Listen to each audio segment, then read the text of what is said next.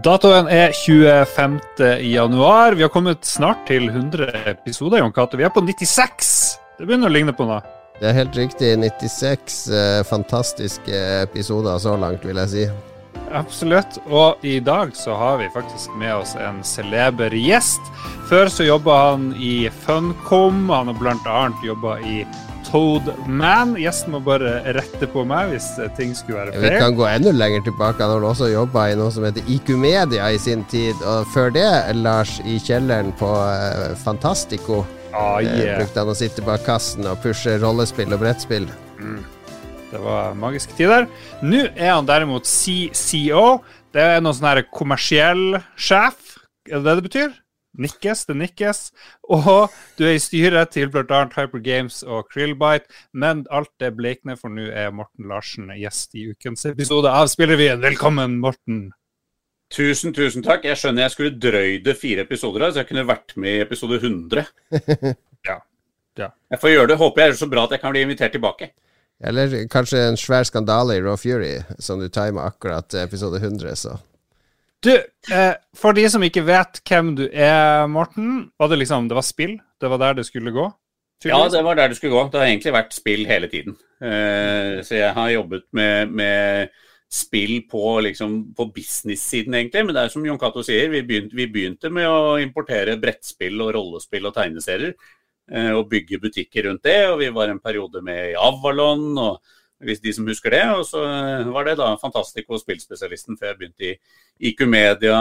Startet et eget eh, selskap under Dotcom som bygde barnespillplattform. Eh, Dino Life, hvis Jon Cato husker det. Jeg har, jeg har dekt det i sin tid.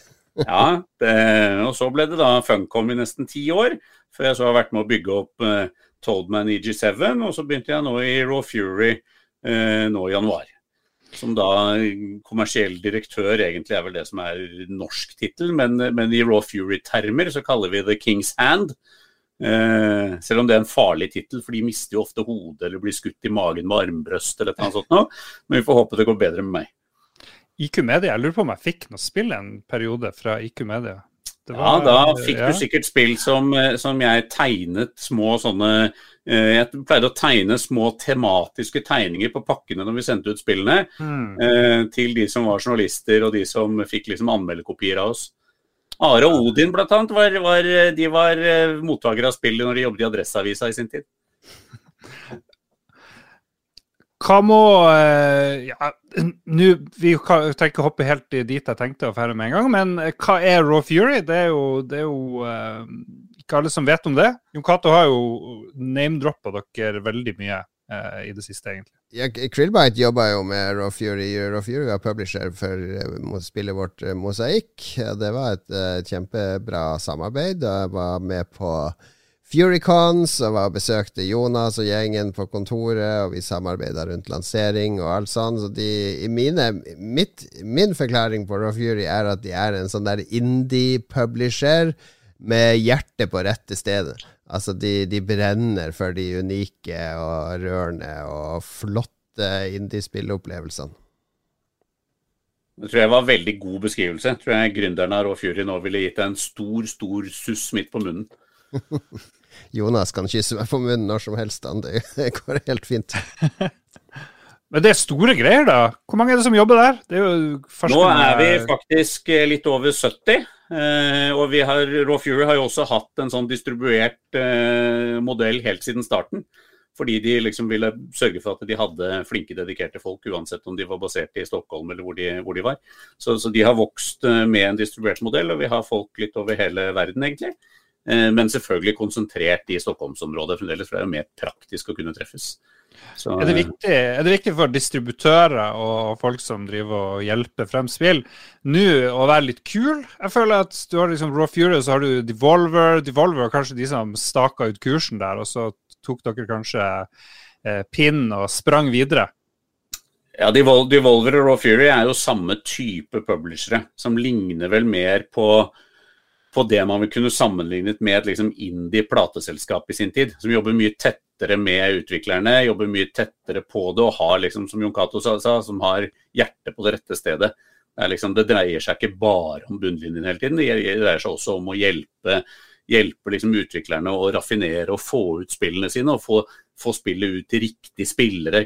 Fordi my, mye av det som har skjedd i løpet av de siste 50 årene på spillsiden, er jo at vi har fått en enormt utvalg forskjellige spill, og så bruker vi ordet spill om alt sammen, selv om det er et så vidt begrep.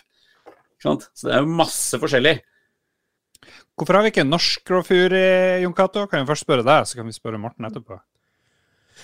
Uh, ja, mitt svar er vel at det er litt sånn der høna og egget-modellen. Altså, det er kanskje litt rart å ha en stor norsk publisher før du har et stort norsk utvikler, altså en rekke suksessrike utviklere som har eh, tiltrukket seg talent til Norge og, og laga masse store ting som da gjør at Kanskje er det et marked der for å utvikle oss til å bli en publisher. Du har jo selskaper som Coffee Stain i Sverige, som egentlig bare lagde litt sånn tullete, artige spill, og så ble det gigantsuksess eh, ene spillet deres, og så gjorde de seg om til å bli en publisher. Så jeg tror du begynner litt i feil ende hvis du setter deg ut og lager en norsk uh, Raw Fury. Det må kanskje stimulere ut, utviklingsmiljøet først. Og så er det, er det, jo ikke helt riktig, for det har vært, det både er og har vært norske publishere tidligere også. Altså Funcom begynte jo også å publishe tredjepartsspill. Eh, har, har vel litt det fremdeles som strategi, selv om det er litt uklart nå med Tencent inne. for det, det, det har ikke vært like mye. men Eh, og hvis du går lenger tilbake, så hadde du også sånn som Pinjata, som både utviklet og publishet egne og spill de betalte for andre til å utvikles. Det har vært, det har vært forskjellige varianter i Norge òg. Men det er klart miljøet i Stockholm er mye, mye større. Masse flere utviklere, masse flere folk med kompetanse og mye bedre tilgang på, på risikokapital. Du sitter i styrene i Er det flere enn Krillbite og Hypergames? Du sitter i det er de jeg sitter i per nå. Ja. Hvordan er det å sitte i, i um, ringside og følge tett med på, på spennende norske spillutviklere? Ja, det er, det er, jeg syns jo det er kjempespennende. fordi det er jo det som liksom skal danne grunnlaget for at vi skal få en, en, en god, levedyktig bransje i Norge òg. Er jo at vi klarer å hjelpe flere av disse studiene til å, å komme til det nivået hvor de kan rulle helt på egen kjøl. Så det har det vært litt, det har vært litt Eh, to skritt fram, ett skritt tilbake gjennom de siste 20 årene. Ja. Og så er det jo et spørsmål vi alltid kommer tilbake til, eh, Jon Katt. Hva er, det, hva er det som må til for at vi skal Vi må få enda flere, vi må bli enda større og alt det der. Er det, og er det noe vits å bli enda større, er jo noen, noen sier. Jeg, hvis, hvis jeg, altså jeg mener jo ikke at vi skal nødvendigvis bli enda flere studioer. Jeg mener jo at vi først skal klare å og få no, noen studioer som er fullt levedyktige selv, før alle skal prøve å lage studioer på fem mann her og fem mann der. For det er veldig vanskelig å få bygd en full bransje. All right. Hva er det store nye fra Raw Fury, siden vi nå er inne på det? Er det noe så, breaking news? Ja, det var så deilig. Kan jeg få lov til å selge våre spill rett på, på sending, liksom? Ja, ja. Det, det, store upcoming er, er jo er et spill som heter Norco som, eh, som, jeg så Rune plukket som et av de mest spennende framover, han også. Det er en, en sånn uh, Southern Gothic uh, pixel adventure narrative, sånn som er veldig kjernen på det Raw Fury er kjent for. Den kommer nå i, i slutten av mars. Uh, og den, den, bruker liksom musikk fra regionen, bruker veldig mye av de mytene og den, det som er i den Southern Gothic-tradisjonen i USA. Så absolutt anbefale å se på. Morsomt. Før vi får litt forlate temaet Raw Fury, Jon Cato, har du noe uh, du brenner inne med? Nei, jeg, jeg, må si jeg ble veldig glad da jeg hørte at jeg har jobba med Morten i styret til Grillbite, og uh, som journalist og uh, som forhandler til og med i IQ Media-tiden. Så jeg må si jeg ble veldig glad, og det føltes umiddelbart Oi, skal Morten til Raw Fury? For, et eh, riktig, for en riktig match. Du, fordi du har jo vært innom ganske mye, og nå tror jeg du er på et sted der det er litt uh, jeg tror den der varmen og kjærligheten og det myke Jeg kjenner jo Jonas, og du kjenner jo Jonas. Jeg tror det er riktig sted for deg akkurat nå, Morten, så jeg ble veldig glad det. Strengt tatt så er jeg i det selskapet som heter Furious Horizons. Det er Jonas og jeg som sitter i det, og det, og det selskapet er det som eier Raw Fury igjen. Men vi jobber jo da veldig tett med Raw Fury, selvfølgelig. Men vi vil også vokse den familien framover, med både flere studioer og flere selskaper som passer, passer inn i den, den tankegangen. Ja, jeg ble glad da jeg hørte det, så jeg gleder meg til å følge med videre på hva, hva dere finner på. Og så over til det vi egentlig skulle snakke om, det er å finansiere podkaster i Norge, selvfølgelig, Morten. Nei da. Skal vi se. Vi går over til neste nyhet. Ble sånn pinlig stillhet der. en av de største snakkisene i år, uh, som virkelig handler om penger, det er jo Microsoft sine planer om å kjøpe Activision Blitzard for uh, absurde pengesummer. Og flere gamere har vært engstelige for om f.eks. Call of Duty skal det forsvinne fra PlayStation. Uh, Nå sier jo Xbox-sjef Phil Spencer at uh, nei da, de ønsker å beholde serien på plattformen, og de vil jobbe med Sony, som de ser som en viktig uh, del av spillerlandskapet. Vet ikke, Skal vi tro veldig på det, Jon Cato? Ja, Phil Spencer er veldig flink til å si det som er riktig her og nå. Altså, ikke støte noen fra seg, men bare være den inkluderende ja, Han er litt sånn der spillverdens ultrarike hippie har han blitt nå. Her er det kjærlighet for alle. Alle kan komme og bli med i Xbox-familien, og vi skal passe på alle. Selv om du spiller PlayStation, så er vi glad i deg òg.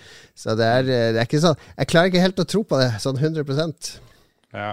Din tanke i forrige uke var jo at uh, Xbox og Microsoft de ser forbi PlayStation. Det er ikke så viktig kanskje som det en gang var. Jeg vet ikke vet ikke hvor, hvor, sant det er, men uh, vi kan jo høre med vår, uh, vår gjest, uh, Morten. For, for, det første, hvor, hvor, viktig er det sånn, for deg, deg, i din hverdag at, at denne store nyheten kom? De fleste virker å være litt opptatt av det. Jeg vet ikke om du er det? Ja, den, den, det her det var jo kjempenyheten, liksom. Det, det er det, Man vet jo at Microsoft har vært ute etter å sikre liksom hele posisjonen sin. Men, men, at de skulle liksom gape så høyt, det var det vel ingen av oss som måte opprinnelig tenkte. Og det, det kommer til å skape masse eh, spennende endringer i liksom dynamikken framover. Fordi dette kommer jo også samtidig med at Sony ser på å, å satse noe mer på sin PlayStation Plus-løsning, og se hva de skal gjøre for noe der. Eh, og det skaper jo da bare enda mer muligheter, altså. Og spesielt altså for, fra, fra, der hvor jeg sitter, med den type spill og den type utviklere som vi jobber med, så mener jo vi at dette bare gir oss enda flere muligheter til å snakke med flere om å finne måter å få spillene ut på. Eh, og når du snakker om hva Phil Spencer sier om hva de skal gjøre, altså, det er bare å se på hva de gjorde etter kjøpet av Bethesda. Da sa de jo mye av det samme. Og så når man gikk inn i detaljene av det de sa, så sa de litt om existing deals og existing games. Og så ser du jo at mye av det Bethesda har annonsert nå, det blir jo GamePass og Xbox Exclusive. Så det Ja. Jeg leste en sak på gamesindustry.biz her om dagen, og de mente jo at det her er det her er å gamble hardt av Microsoft, fordi det er så mye de skal bite over, og det er så mange selskaper med ulike utfordringer. Som, og det å drive og komme inn i Activision Blizzard med Bobby Kotick og enorme skandaler på gang. Bobby kommer jo til å ta med seg 2,5 milliard dollar ut i fallskjerm og forsvinne ut idet det er signert. Det er jo ingen av oss som tror at altså Jeg vet at de sier litt sånn 'å nei, han er en del', men idet jeg leste i annonseringen om at liksom Bobby skal rapportere inn til Phil Spencer, kommer jo aldri til å skje. Så han kommer til å få med seg masse penger, for han har så hyggelig deal. Og så seiler han inn i solnedgangen med pengene sine. Jeg hørte at han er aktuell for Raw Fury. han passer ikke helt inn i vår kultur. Jeg har, jeg har tro, truffet han en gang, men det er veldig veldig lenge siden. Det var den gang jeg var på Activate på slutten av 90-tallet. Da var han fremdeles litt sånn uh, ung, ung eksekutiv. Jeg, jeg, traff ham på en sånn Nintendo-showcase på E3. Da sto han bakerst med noen andre i dress. Han var jo så liten. Han så ut som ja, ja. Eh, en svær hobbit. En for, ja, sånn forspist hobbit. hobbit, rett og slett. Ja, var du på uh, Bill Cosby-rommet du var da, Morten? Eller? Nei, Nei det, var ikke, det var ikke noe Bill Cosby-rom på Activate. Det var, uh, det var Activate var liksom Activisions uh, event i Europa på 90-tallet. De, hvor de fløy alle Det var den gang det var helt andre forhold. Da fløy med alle journalistene inn og, og winet og dinet dem på slott i Dublin eller slott i Edinburgh i, i liksom et par dager og viste dem spillene sine. Ja, det var tider. det var tider. Vi kan bare mimre tilbake. Men nei, eh, Sony skal jo ha opp sin tjeneste nå, og det er kjempespennende. Vi følger jo tett med på det. Og det At begge har sånne tjenester, det betyr at de har tjenester som de er nødt til å fylle med attraktivt innhold. Uh, og det er det du tenker på, da, at da står sånne som Raw Fury og andre uh, litt sånn kanskje Triple I uh, India, ja. de står i en veldig god posisjon nå, fordi det er to aktører som kommer til å kjempe Lager du noe som ser attraktivt ut, så kommer de til å kjempe om å få det inn til seg. Ja. Og det skaper et vindu. Og så har det, har det jo selvfølgelig andre effekter, det at de tjenestene soaker opp mange av spillene. For det er klart det, det gjør noe med, med verdisettingen av spillene. Mm. Så, så, over tid så vil det jo ha en effekt, det også. Og, og, det er jeg ikke sikker på om bare er positivt. Men det skaper i hvert fall kortsiktige muligheter. Men de spillene som faller utenfor de tjenestene, er det i en sånn wasteland, da? Det er fordi vi har Jeg betaler for GamePass, jeg trenger ikke å kjøpe noen spill. Jeg venter til det kommer her. Eller jeg betaler for PlayStation-tjenesten. Jeg er fornøyd med det som er her.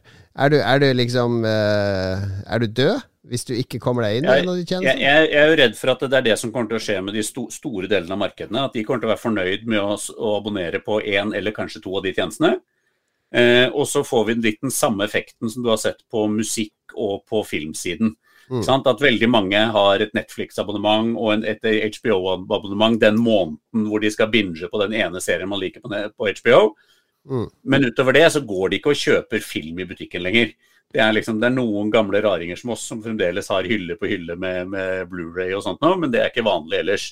Og På musikksiden så er det det samme. Det blir en liten konnoissørgjeng som går og kjøper vinyler og som følger med på sånt nå, men ellers så har man Spotify og spiller det man vil derfra.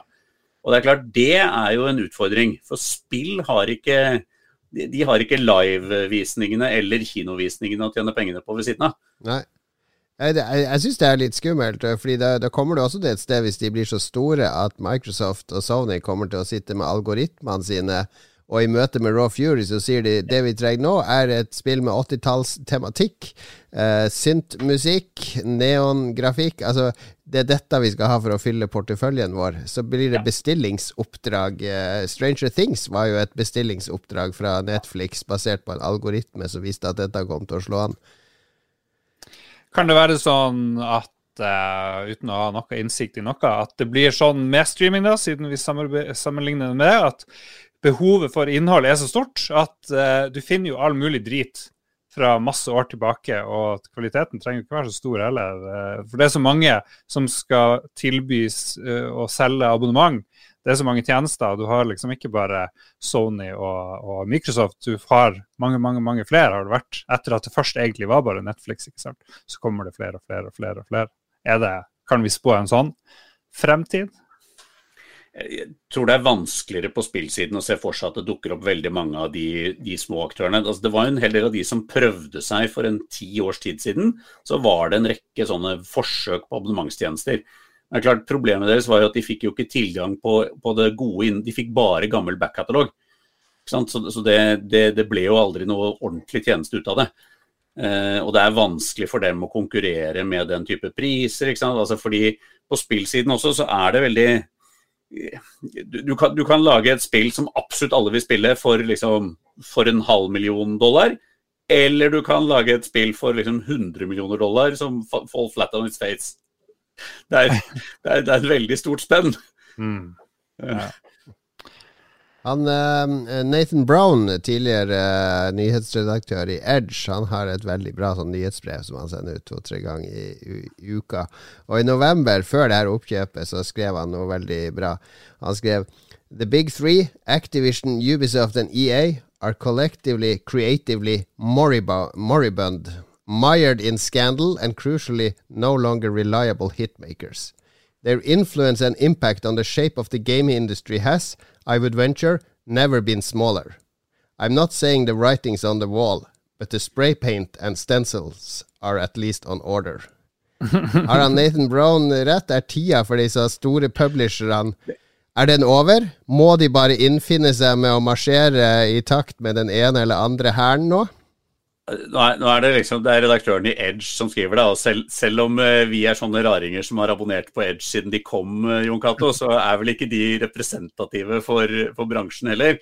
Men, men, det er klart at det kommer litt an på hvilke parametere du måler på. ikke sant? Hvis man måler på kreativitet, innovasjon, de spillene som virkelig evner å begeistre og gjøre nye ting, så er det klart at da er nok ikke Activision, EA og Ubisoft de som tar mest risker på det. De har sine store franchiser og sine store etablerte ting, og det er det de melker.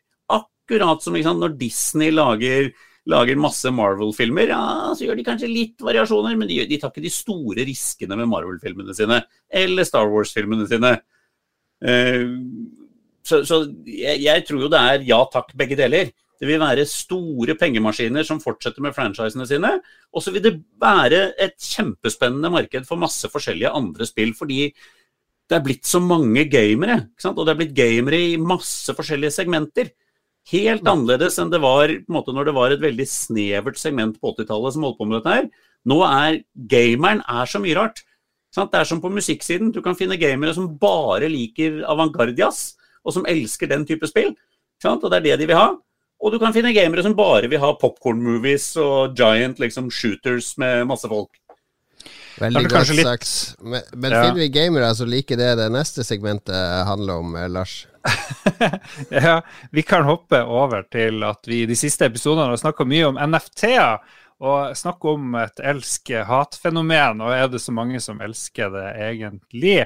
Men vi ser jo at Ubisoft, som vi har nevnt før, Konami, Square Enix, EA, Take Two og Peter Molyneux eh, dukka også opp da jeg tok kontroll F i sendeskjemaet vårt. Alle de har snakka varmt om NFT-er. Og eh, vi kan jo ta en, en liten, en liten dropp Eh, fra en sånn liten sjekk vi har tatt blant norske spillutviklere. Vi trenger kanskje ikke nevne alt. Ja, jeg, men, jeg sendte eh, ut et, spør, et, par spørsmål til veldig mange norske spillutviklere om uh, eh, NFT-er var noe som de så på som interessant, uh, og om de i det hele tatt uh, jobba med noen prosjekter der NFT-er mm. var aktuelt. Og det var et nesten rungende nei. Eh, alt fra mobilspillskapere til eh, konsollspillskapere til PC-utviklere sa stort sett klart nei, eller enda klarere fuck nei, hvis man skal ta litt i. Og så er det noen som var litt diplomatiske, at vi, vi, vi følger med, men nei, det er ikke aktuelt akkurat nå. Og så var det noen som var mer i det landskapet Eh, vi har vært i dialog med eh, folk, oppdragsgivere, som er interessert i det. Så vi, vi kan ikke avskrive det.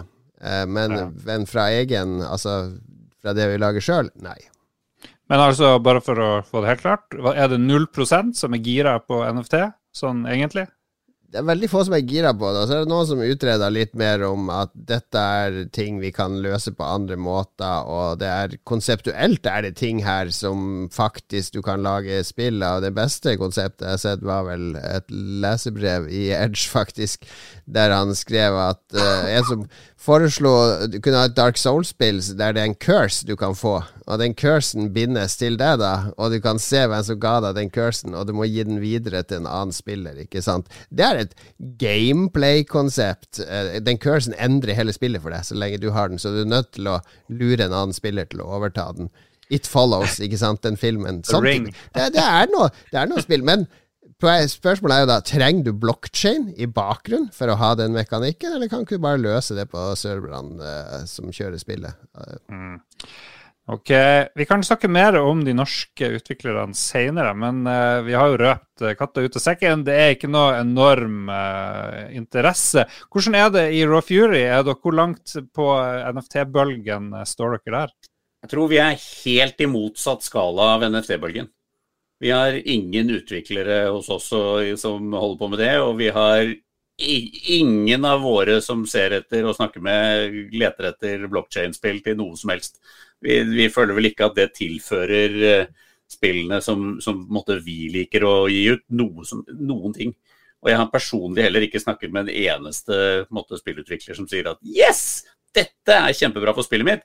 Men jeg har snakket med noen som tenker at faen, vi har ikke fått funding på dette spillet, men hvis vi skrur det om litt, så vet jeg om noen investorer som er villige til å gi oss penger hvis vi sier at vi skal mm. gjøre det til NFT. Så for meg så høres dette fremdeles ut som en ren sånn eh, en finansgreie. Og det er, det er som Jon Cato sa i stad, det er veldig lite av dette som ikke kan løses på andre ting. Altså, I, i Funcom, hvor vi har bygd store MMO-er, så har vi jo hatt liksom det har, det har vært trading av item både inne i spillet og via tredjeparts websider. Det har vært earn to play, som er den nye liksom, kule greia. Det har jo vært, eh, det har vært gold farms og, og, farms for å få tak i currency i MMO-er, hvor du har kunnet kjøpe det for penger. Det har det vært liksom i 20 år. Det er jo ikke noe nytt, nytt i det hele tatt. Men er du i tvil om at det kommer en uh, viss bølge NFT-spill, hvis man kan kalle det det? kommer en viss bølge, men du har jo ikke sant, den forrige bølgen på, på kryptospill med CryptoKitties og en del av det som dukket opp, de er jo der ennå, men de har, jo ikke, de har vel ikke gjort noe stor impact for, på, liksom, på bransjen. Eh, det er noen folk som har tjent noe penger på det, og det har blitt skrevet litt om i avisene, men når leste du sist om CryptoKitties? Sant? Og du har denne Axie Infinity, som, som, vel er en av de store på NFT-siden. Ja da, du kan, du kan, ha noen sånne små dyr som du kan leke med, men det er jo ikke en det er jo fremdeles mer for å spekulere i currencyen enn for spillet hvor dette eksisterer. Er det som uh, Jeg tenker alltid på online-poker, for det var også sånn der uh, jippo på 90-tallet. Slutten av 90-tallet, starten av 2000-tallet skulle alle spille online-poker ja, men det var alle hadde sånne stories om hvor, hvor mye penger de kunne tjene på online-poker. Og så tenker jeg det er jo fire stykk som må tape for at én tjener gode penger der. Er det, og i det kryptolandskapet Jeg har jo sett på noen av de kryptospillene som er ute, der folk spiller for å ørne. For å, du driver jo bare og grinder, egentlig. Eh, masse greier, og så får du litt krypto tilbake. Men er det sånn at alle får penger, bare de bruker tid på det, eller er det noen som taper? Det må jo være noen tapere oppi, oppi denne modellen? I, i, I, den så er det jo det klassiske sånn som det alltid har vært på, på grinding i MMO-ene. Altså Noen bruker masse tid på å få en eller annen currency eller finne noen items, som de så selger til noen som er villig til å betale dem for det. Så sånn sett, i akkurat den idéforholdet, så er det jo for så vidt ingen som taper. Men i spekulasjonsdelen på å drive currencyen, som jo er et veldig viktig element i dette når du ser om det, ikke sant? For NFT-ene er ofte backet i en eller annen currency, og når de kommer ut med spillene, så er de i forbindelse med en eller annen token offering, eller de, ikke sant? det er for å hause en av de, de mm. Eh, kryptovalutaene som de er basert på. Og det er der den store inntjeningen ligger. Ja. Eh, men det fins jo use cases på å bruke dette. Altså, den enkleste er jo f.eks. ethvert CCG. Du kan jo tenke deg et, et Magic the Gathering-type spill. Ja. Collectible kort... card game for ja. de som ikke er så nerder som oss, ja. Eh, Morten. Ja. Collectible card game. Jeg skal være flinkere til å definere. eh, altså, Magic the Gathering er det beste eksempelet. Så du kunne tenke deg at hvert av kortene, digitale kortene er på en måte backet, for da er de et kort. Men, men så blir det jo ikke spennende for deg som, som bruker, før det da blir sånn at standarden for å bruke det digitale NFT-backede kortet, den må jo være åpen. Slik at f.eks. dere to skal kunne lage en, en kul arena hvor jeg skal kunne komme med min boks med digitale NFT-backede kort og spille. Og det mm. tilsvarende er hvis du tenker deg, eh, tenker deg digitale miniatyrer. da, Omtrent som Games Workshop-miniatyrer. De kunne også vært NFT-backede hvis det var et åpent system hvor hvem som helst da kan lage et, et spill hvor jeg kan komme med mine miniatyrer og spille basert på de reglene som er.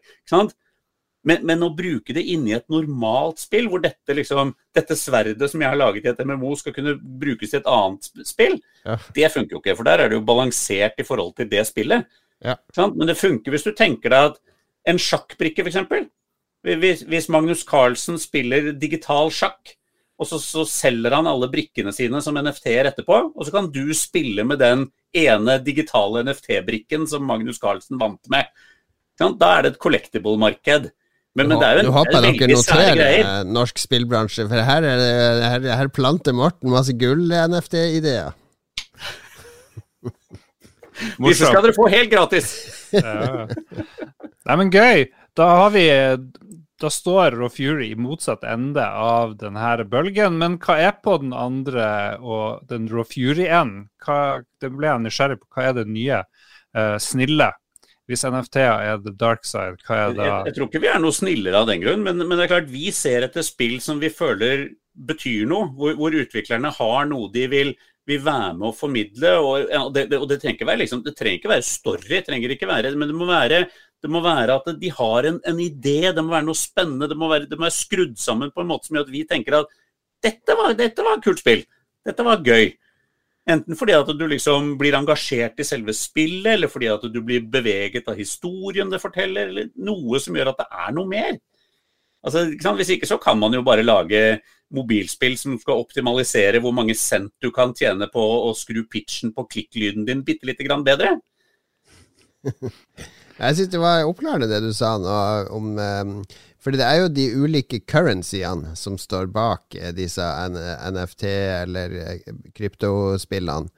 Og eh, da gikk det jo opp for meg at de spillene er jo egentlig bare reklamer for å rekruttere brukere til den currencyen.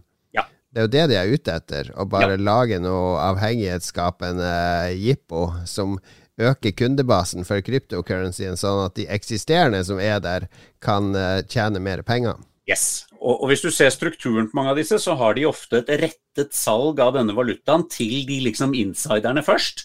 Og ja. så begynner de å hype og slipper inn litt flere, og så slipper de inn massene, som fremdeles ikke er noen store masser. Det er jo ganske, fremdeles ganske snevert, dette her. For det krever jo, ikke sant Du skal jo ha, du skal ha egne krypto-wallets, du skal sette opp disse metamask altså det er jo, det er jo jeg, jeg, har ikke, jeg har ikke engang klart å skjønne alt selv i dette. Det høres ut som du vet mer enn vi gjør, i hvert fall. Nei, det har vært veldig lærerikt her. 1 ja. Society, det er det, det er det, jeg tenker på når jeg hører det her. Nå fikk jeg jo lyst til å heller spille noe, gjerne i kjelleren på Fantastico, og, og dra frem litt uh, booster packs. Det var tider, det. Ja, ja, ja. Dr. Who-flipperen, den husker jeg godt ja, i kjelleren din, Morten. Men apropos spill, og vi har jo heldigvis et år som nå begynner å by på litt. Ikke den store bølgen enda, Jon Cato, men du har funnet frem et par ting. Det begynner å løsne nå med kommer. nye spillanseringer. Vi skal ta de to store som kommer denne uka. Det første er Nintendo. Eh, begynner å bli litt sånn slankt med Nintendo Directs og, og litt sånn der eh, annonseringer fra Nintendo på spill som skal komme. Eh, så det, det, kan jo vitne om mye. Ofte vitner det jo om at det er litt sånn ny hardware eller noe på vei, der de, eh, der de sparer, sparer de store nyhetene. Uh, men uh, noen storspill er jo på vei. Zelda Breath of the Wild 2 skal jo komme senere i år. Det er jo det de fleste mm. gleder seg til. Men de har et Pokémon-spill på vei som kommer nå denne uka, 28. januar. Og det er Pokémon Legends Arceus. Og det er jo interessant, fordi det er første gang Pokémon er i sånn full åpen 3D-verden. Uh, det har jo fansen etterlyst i mange mange år, og nå har de endelig fått det. Og så er det ikke alle som er så fornøyd, for det er ikke, det er ikke akkurat verdens mest detaljrike verden. Hvis du skal det ser ikke så bra ut. Ser ikke ut som Horizon Zero Dawn 2, liksom. Det Nei, det gjør ikke det. Men uh, jeg har min lakmustest på Pokémon-spillet. Min tolvåring her hjemme som har uh, backtracka og spilt det meste av Pokémon-spill på DS. Og og 3DS og alt som er på Switch og remastera, og han gleder seg. Så vi får, jeg har troa. Ok, 28.1, og da kommer det også boom, boom, boom. Kommer det noe for PlayStation 5-eiere som enten har lyst til å mimre tilbake til noe uh, storslagen på PS4, eller som kanskje ikke uh, hopper over det på PS4 og nå kan ja. uh, få spille det for første gang? Uncharted Legacy of Thieves Collection samler Uncharted uh, hva er det, 4 og uh, et, et sånn der sidespill som jeg tror het Legacy of Thieves, eller sånn, handler om eh, to kvinnelige arkeologer og, ja. og, masse eventyr. Det var, var kult sånn sidespill, ja. faktisk. Ok. Er det, er det symbolsk at PlayStation kommer med sånn museumsutgivelser? Her skal det mimres som gammel storhet, mens Xbox og Microsoft kjøper opp alt som finnes ja, merkevarene er jo noe av det sterkeste Sony har. Og så er denne lanseringa tror jeg vel også kanskje er litt tima til Uncharted-filmen, som er rett rundt hjørnet med Mark Wahlberg og Tom Holland. Jeg var på kino i helga på Spiderman, og da så vi Uncharted-filmen, og det syns ungene var veldig rart å se Peter Parker som uh, en sånn Indiana Jones-fyr, for det er jo samme skuespiller som Spiderman. Men uh, Filmen har jeg ikke så mye troa på, men spillserien er jo fortsatt uh, populær. Og det som også er litt artig mm. med den lanseringa her, den kommer jo på PS5 nå. Men det skal komme på PC litt senere i år. Følger etter God of War, da, i uh, Ja, Sony er ut, pro PC for tida, altså. De er det.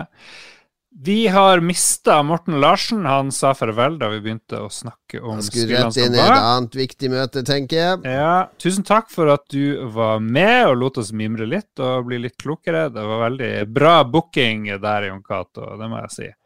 Ja, det, vi klaffa der. Vi burde egentlig hatt med Morten før. Han er et leksikon på spillbransjen opp gjennom eh, tida og har vært i langt flere møter med internasjonale store aktører enn meg. Så han Ja. har eh, mye på lager. Det må vi høre om videre. Han spilte seg jo sjøl inn som gjest i episode 100. Før vi kommer dit, så anbefaler jeg folk å høre på Lolbua. De kommer eh, onsdager, de episodene der. Fredager så kommer det ofte Ragequit. De er tilbake nå. De hadde episode 69, som var et jubileum for dem. Ganske underholdende. De var sammen med Spilledåsene, selv om vi bruker å si Spillpikene der, Jo Cato. Ja, vi er så, ikke så vulgære at vi kaller jenter for spilledåse. Nei, nei, vi gjør ikke det. Vi er mer konservative.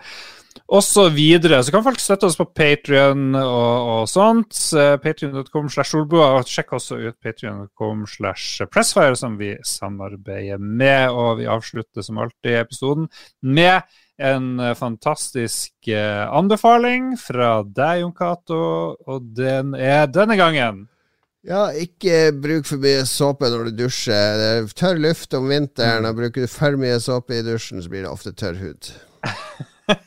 Jeg vet ikke om det er liksom humor nå, de her men, anbefalingene. I 96 episoder så tror jeg en, to ganger at jeg har forberedt noe til den spalten her. Altså de andre Ja, det er jo det gøye. 94 gangene så er det sånn Å, fuck, det var det. Det hadde jeg glemt. Ja, det er like artig hver gang. Det er fint for meg. Men da sier vi tusen takk, og så er vi tilbake om en uke. Hvis du er i norsk spillbransje eller tilknytta og har lyst til å være med, sånn som Morten Larsen var nå, så må du bare si fra. Vi blir veldig glad for det. Ha det. Ha det bra.